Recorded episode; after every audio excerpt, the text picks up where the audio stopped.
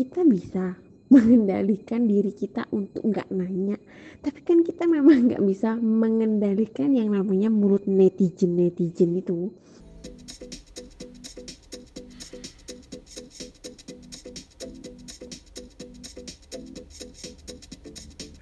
Assalamualaikum. Kembali lagi bersama Bu Nauta Chandra Di podcastnya Mercusuar Kids. Nah di podcast kali ini, Bunda seperti biasa ya, pasti akan ada temen ngobrolnya. Nah, kali ini uh, episodenya cukup spesial. Karena apa? Karena akan membahas tentang menanti buah hati dengan senyuman. Tema kali ini cukup challenging ya untuk dibahas dan teman ngobrol yang cocok banget untuk ngebahas ini adalah salah satu sahabat Bunda yang sekarang lagi di Bali yaitu Mary Herlinda. Halo Kakak Mary. Mary ini salah satu sahabat Bunda, salah satu wanita yang hebat dan cukup kuat menghadapi masa-masa di mana tidak semua perempuan bisa uh, berdiri tegar dan menjawab semua pertanyaan-pertanyaan yang agak-agak panas di telinga ya. Kayaknya lebih seru kalau kakak Mary sendiri yang bercerita. Halo Mary, apa kabar? Hai Utet. Aku baik-baik aja nih, kamu nggak ke Bali ya? uh, so far aku baik-baik aja suami juga sangat baik-baik aja. Temanya sangat menarik ya. Temanya menarik dan cukup sensitif sebetulnya karena uh, tidak semua perempuan ya tidak semua perempuan yang Bunda kenal terutama itu bisa setangguh kamu sih Mei dalam artian menanti buah hati sampai di uh, umur pernikahan lima tahun ya kan ya kamu sama suami ya lima tahun dan belum dikaruniai anak tapi tetap masih bisa menanggapi ini semua dengan berdiri tegar. Dan malah aku melihatnya kamu have fun aja dengan kondisi ini. Nah pertanyaannya adalah apa benar-benar sefun itu kah? Atau sebenarnya ada perjuangan yang luar biasa di balik ke ketangguhanmu di balik senyumanmu setiap hari. Thank you banget lo ya. Kalau misalnya aku dibilang uh, tangguh dalam artian aku setegar ini menghadapi pertanyaan-pertanyaan yang sangat banget mungkin sensitif buat orang lain. Kalau buat aku sendiri lebih kepada bukan pertanyaan sensitif ya apa ya? Lebih mengacu pada yang namanya pertanyaan itu adalah motivasi buat aku sendiri. Nah mungkin kalau uh, pada awal-awal pernikahan setahun dua tahun itu uh, yang namanya pertanyaan seperti itu itu bikin aku bukan sedih ya uh, kayak kaget shock. Apa sih? Kenapa sih?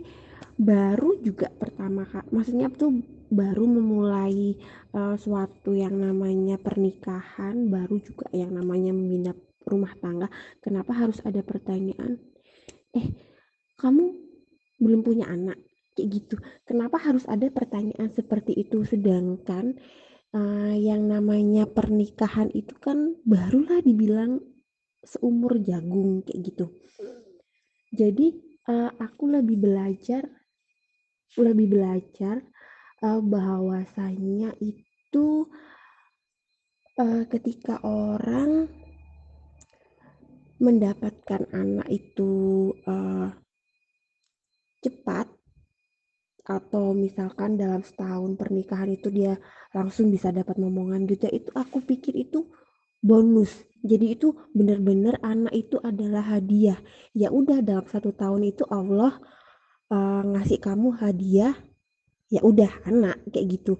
Jadi uh, kalau aku sampai detik ini ya itu tadi sih aku bilang itu pertanyaan-pertanyaan itu itu uh, motivasi buat diri aku sendiri bahwasanya uh, meskipun aku sama suamiku tuh belum punya anak aku bisa kok hidup happy aku bisa kok bahagia gitu loh. Sebenarnya kalau dibilang tegar banget pun enggak tapi dibilang uh, rapuh karena insecure sama diri sendiri juga enggak. Tapi lebih kepada ya udah uh, kalau yang namanya Tuhan atau yang namanya maksudnya yang namanya Allah memang belum ngasih hadiah kita kita bisa apa? Aku sama suami kan yang berusaha itu kan pasti. Cuman karena aku lebih kepada menikmati apa yang Tuhan kasih sekarang daripada um, meributkan dan memikirkan hal yang belum belum dikasih sama Tuhan. Jadi aku lebih memikir lebih berpikir simple aja. Tuhan pasti ngasih kok pada saat dan waktu yang tepat yang yang pada akhirnya nanti itu anak itu memang memang benar-benar dijadikan, dihadiahkan buat aku sama suamiku untuk sebuah uh, anugerah dan kebahagiaan pada saat yang benar-benar sangat tepat. Aku yakin sekali sih sama itu. Jadi uh, sampai sekarang pun ya udah aku bahagia-bahagia aja sama suamiku jadi menikmatin segala prosesnya. Kalau dibilang pertanyaan-pertanyaan itu uh, selalu ada, maksudnya itu pertanyaan-pertanyaan itu selalu muncul nggak sih? Pasti muncul lah. Nggak mungkin uh, kita ketemu orang, ketemu ketemu orang nggak dikenal pun ditanya sudah nikah apa belum? Aku jawab udah nikah, pastilah embel-embelnya kan akan oh anaknya berapa? Kayak gitu-gitu. Pasti itu. Keren sih punya pemikiran seperti kamu Mi dengan mengubah pertanyaan-pertanyaan yang nggak banget bukan nggak banget sih ya. Maksudnya emang kalau di posisi di posisi seperti kamu rata-rata orang akan bilang pertanyaan itu pertanyaan kapan punya anak anaknya berapa itu pertanyaan nggak banget. Walaupun sebetulnya itu udah kayak membudaya gitu loh budaya basa-basi jadinya banyak orang yang kalau kumpul-kumpul terutama di acara-acara keluarga, kumpul-kumpul keluarga, pasti pertanyaannya akan template nggak sih? Yang masih kuliah ditanya kapan lulus, yang lagi jomblo ditanya mana pasangannya, ntar yang udah nikah pasti juga akan ditanya kapan punya anaknya. Seakan-akan kayak kita tuh nggak nggak kepengen punya anak gitu. Padahal ya Allah ngarep banget ya kan. Cuman memang posisinya ketika belum diberi dalam waktu yang lama itu beda cerita gitu loh rasanya tuh beda. Aku tuh punya beberapa kerabat juga yang kalau ditanya soal anak itu sedih gitu loh. Dia tuh langsung auto sedih kemudian ada malah ada beberapa kenalan yang dia tuh bisa sampai live group karena di grupnya itu ada yang uh, hamil. Jadi dia kayak lagi euforia hamil gitu salah satu member grupnya terus dia live group gitu. Sampai sebegitunya menurutmu kenapa kenapa sih mereka sampai seperti itu? Apakah emang insecure sekali? Atau apa mungkin kamu pernah insecure akhirnya bisa healing sendiri? Atau gimana tuh nih? Uh, aku sih pernah pernah sih kayak gitu. Maksudnya uh, kayak sebisa mungkin uh, menghindari pertanyaan semacam itu dengan tidak bertemu sama orang-orang tersebut. Cuman kalau dipikir-pikir kan kita nggak mungkin nih misalkan keluar dalam satu komunitas dalam satu komunitas terus kita akhirnya nanti bertemu dengan komunitas lain. Nah kan tidak menutup kemungkinan komunitas yang lain itu akan menanyakan hal yang sama sama aku gitu. Jadi uh, pada akhirnya uh, kayak seolah-olah itu uh, kanan kena kiri kena maju kena mundur kena kan istilahnya kayak gitu. Jadi ya mau nggak mau ya sudah dihadapin aja. Nah uh, untungnya suamiku ini menopang aku dengan benar-benar dengan sangat uh, kayak kuat jangan sampai aku ini roboh gitu loh. Jadi sekiranya aku ini sudah benar-benar kayak misalkan down pun dia itu uh, kayak jadi tembok buat aku. Gimana caranya biar aku ini nggak nggak nggak apa tuh udah down tapi nggak biar nggak tambah down gitu. Dia itu uh, suamiku tuh support banget masalah itu gitu. Jadi dan pada akhirnya aku aku ya sudah healing sendiri dengan cara uh, berdamai sama diriku sendiri. Dan uh, aku uh, tekankan sama diriku kalau pertanyaan-pertanyaan seperti itu itu uh, jadikan aja motivasi gitu. Jadi uh,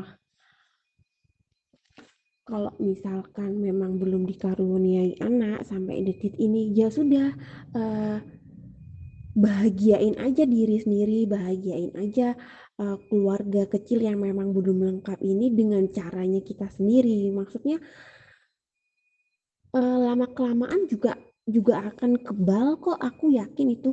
Lama kelamaan juga agak juga juga bakalan yang namanya uh, ya udah sih uh, kita kita mau berusaha kayak apa pun kalau misalkan yang di atas belum meridoi kita untuk punya anak kita bisa apa? Kan istilahnya kayak gitu. Nah cuman yang disayangkan itu uh, beberapa dari dari uh, perjalananku sampai detik ini ini kebanyakan itu yang nanya masalah kayak gituan itu adalah orang yang juga belum punya anak. Nah, coba bayangkan itu. Dan alhamdulillah ya aku aku sampai sekarang pun sampai detik ini tapi memang mulai dulu sih aku nggak pernah menanyakan hal-hal yang sensitif sama orang lain sama teman sendiri pun juga ujang apalagi uh, nanya masalah eh kamu udah nikah apa belum? Itu aku nggak pernah.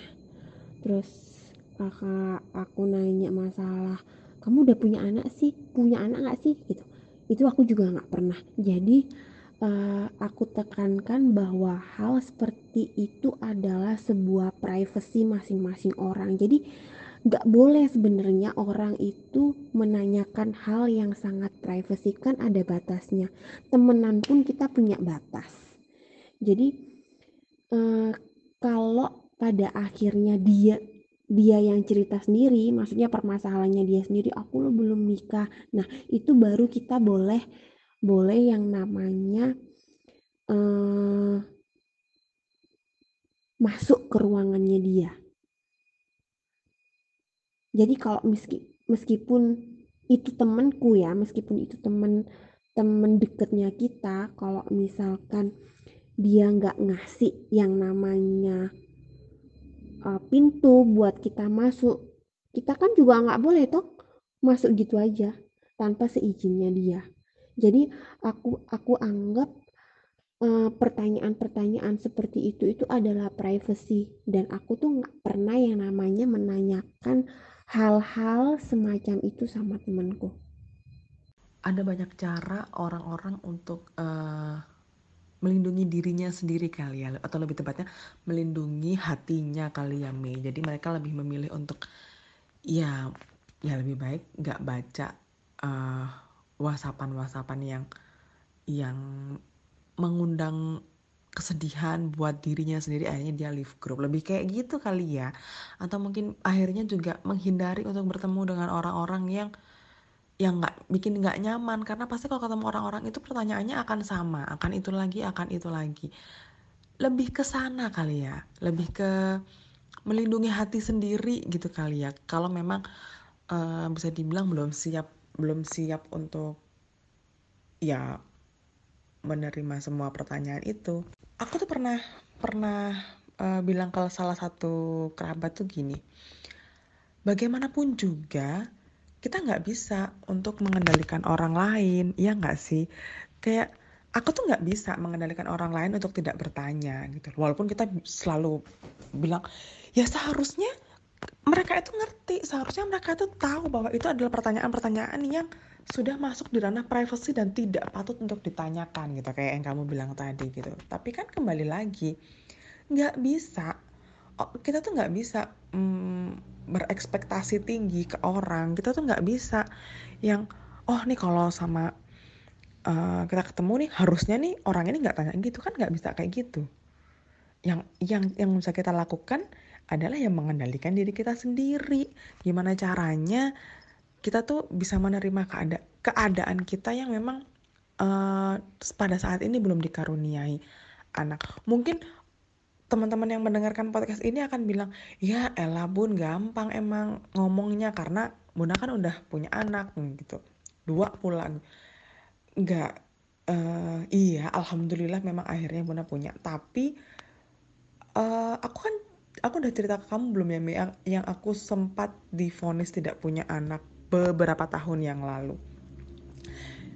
Jadi aku sempat merasakan hal yang sama sebetulnya malah pada waktu itu bukan insecure lagi deh kayaknya. Udah yang down parah. Baru nikah kemudian uh, difonis cancer dan kemudian akhirnya difonis tidak bisa punya anak karena kemo. Itu kan udah kayak petir di siang bolong gitu loh.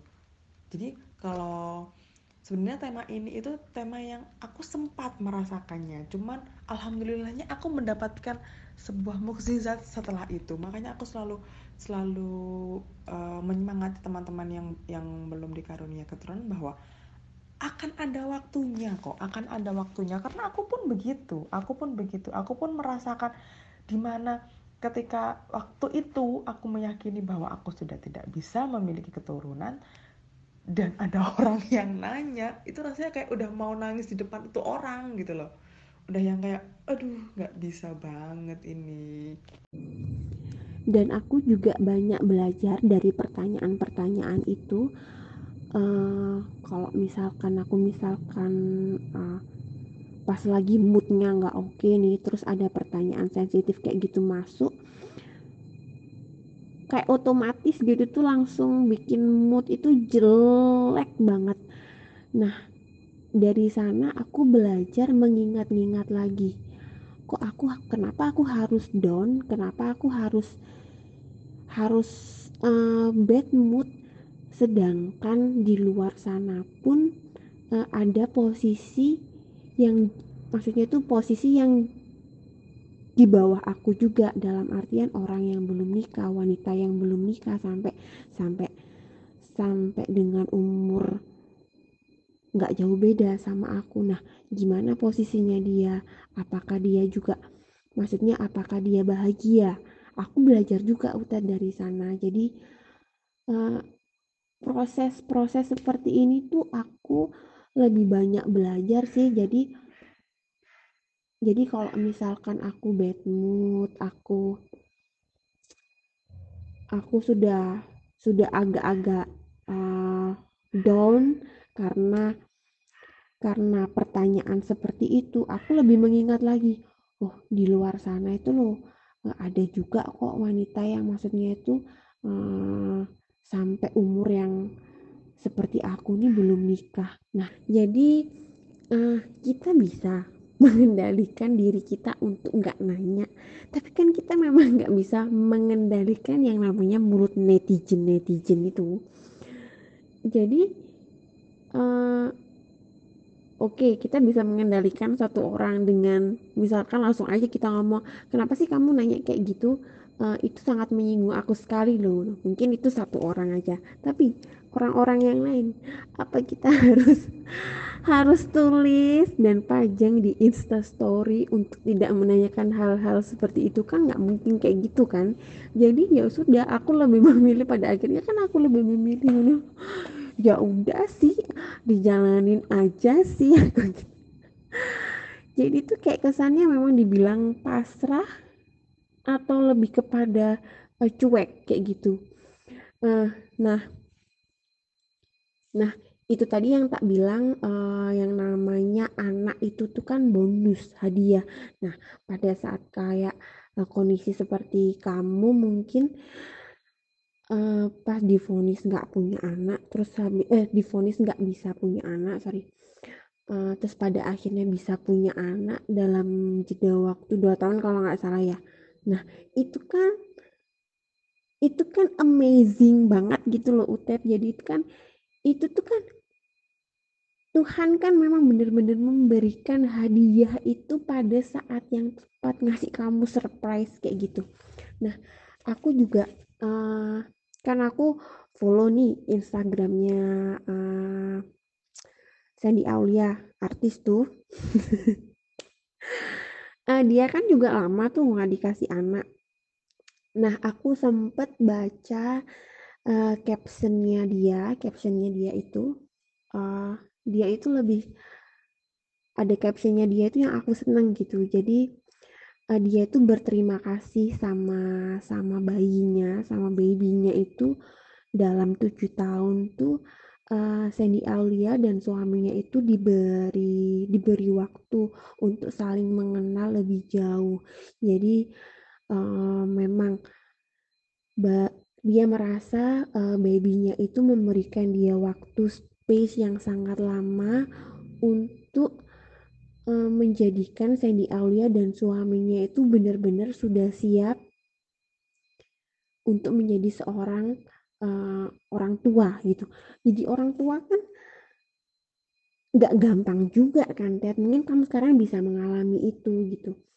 Jadi aku juga uh, aku juga belajar dari kata-katanya Sandy Aula itu tadi bahwasanya uh, dalam dalam proses waktu yang lama untuk mendapatkan anak ini dia malah berterima kasih gitu sama babynya. Karena uh, dalam tujuh tahun itu dia dia banyak belajar bagaimana sih cara menjadi orang tua yang baik terus saling mengenal satu sama lain. Akhirnya pada saat si babynya ini udah lahir uh, Sandy Aulia dan suaminya ini rasanya kayak sudah cukup matang gitu jadi jadi seorang orang tua kayak gitu. Aku aku juga belajar dari dari sana sih Ted.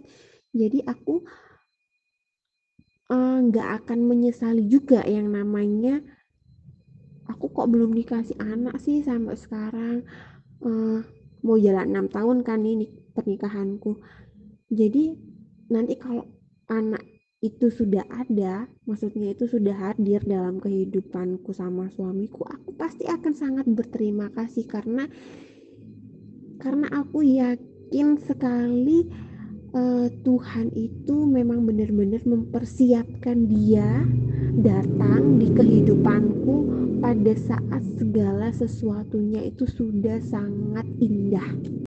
Iya benar, jadi memang kita harus uh, berdamai dengan keadaan ya. Itu yang paling yang paling bisa dilakukan adalah berdamai dengan keadaan. Karena kalau mau terus-terusan terpuruk juga life must go on. Kita nggak bisa kayak gini terus. Harus tetap semangat. Dan apa aja sih Mei yang udah kamu usahakan mungkin kamu menjalani program kehamilan atau apa gitu mungkin? Program sih pasti sih udah sih. Jadi cuman hmm, belum sampai kayak ke bayi tabung. Ini kan kemarin ada kayak uh, temanku di tempat kerjaku yang dulu itu dia dia itu ya dia itu uh, kalau nggak salah suaminya itu ada masalah ada masalah juga. Cuman aku nggak tahu masalahnya apa. Aku kan nggak mungkin nanya gitu kan. Nah dia program bayi tabung sih tuh kemarin-kemarin. Aku juga juga sempat sih disaranin ke sana. Cuman uh, suamiku sama aku masih masih optimis nih uh, jalin aja dah yang yang sekarang ini dulu. Maksudnya belum terpaksa untuk melakukan bayi tabung gitu sih. Pokoknya sih sejauh ini kita masih uh, rutin untuk konsul sama dokter terus uh, apa namanya mengikuti sesuai anjuran dokter untuk minum vitamin juga. Jadi sementara sih masih sampai kayak gitu. Terus kemarin juga uh, ini aku kan lagi rajin-rajin juga mengkonsumsi yang namanya apa kurma muda itu kan. Kemarin juga sempat dibawain yang namanya kurma muda. Uh, pas waktu ada saudara umroh ke sana ya mudah-mudahan aja ya yang penting kita sudah berusaha sudah berikhtiar perkara hasilnya mau seperti apa kita kembalikan lagi ke yang kuasa ya Mea ya. Uh, kalau yang memberi kehidupan ini sudah ya udah aku kasih sekarang alhamdulillah. Tapi kalau misalkan memang nunggu sebentar lagi ya ya ditunggu dengan sabar ya sayang ya. Karena aku tahu banget kamu kuat banget hebat banget sih dan coba deh mungkin ada resep-resep aja lah resep-resep? Karena karena kamu koki kan jadi mungkin ada resep-resep gitu nih buat teman-teman semua buat uh, yang lagi mendengarkan juga yang saat ini sedang menanti buah hati. Apa nih resepnya yang uh, bikin yakin bahwa akan indah pada waktunya?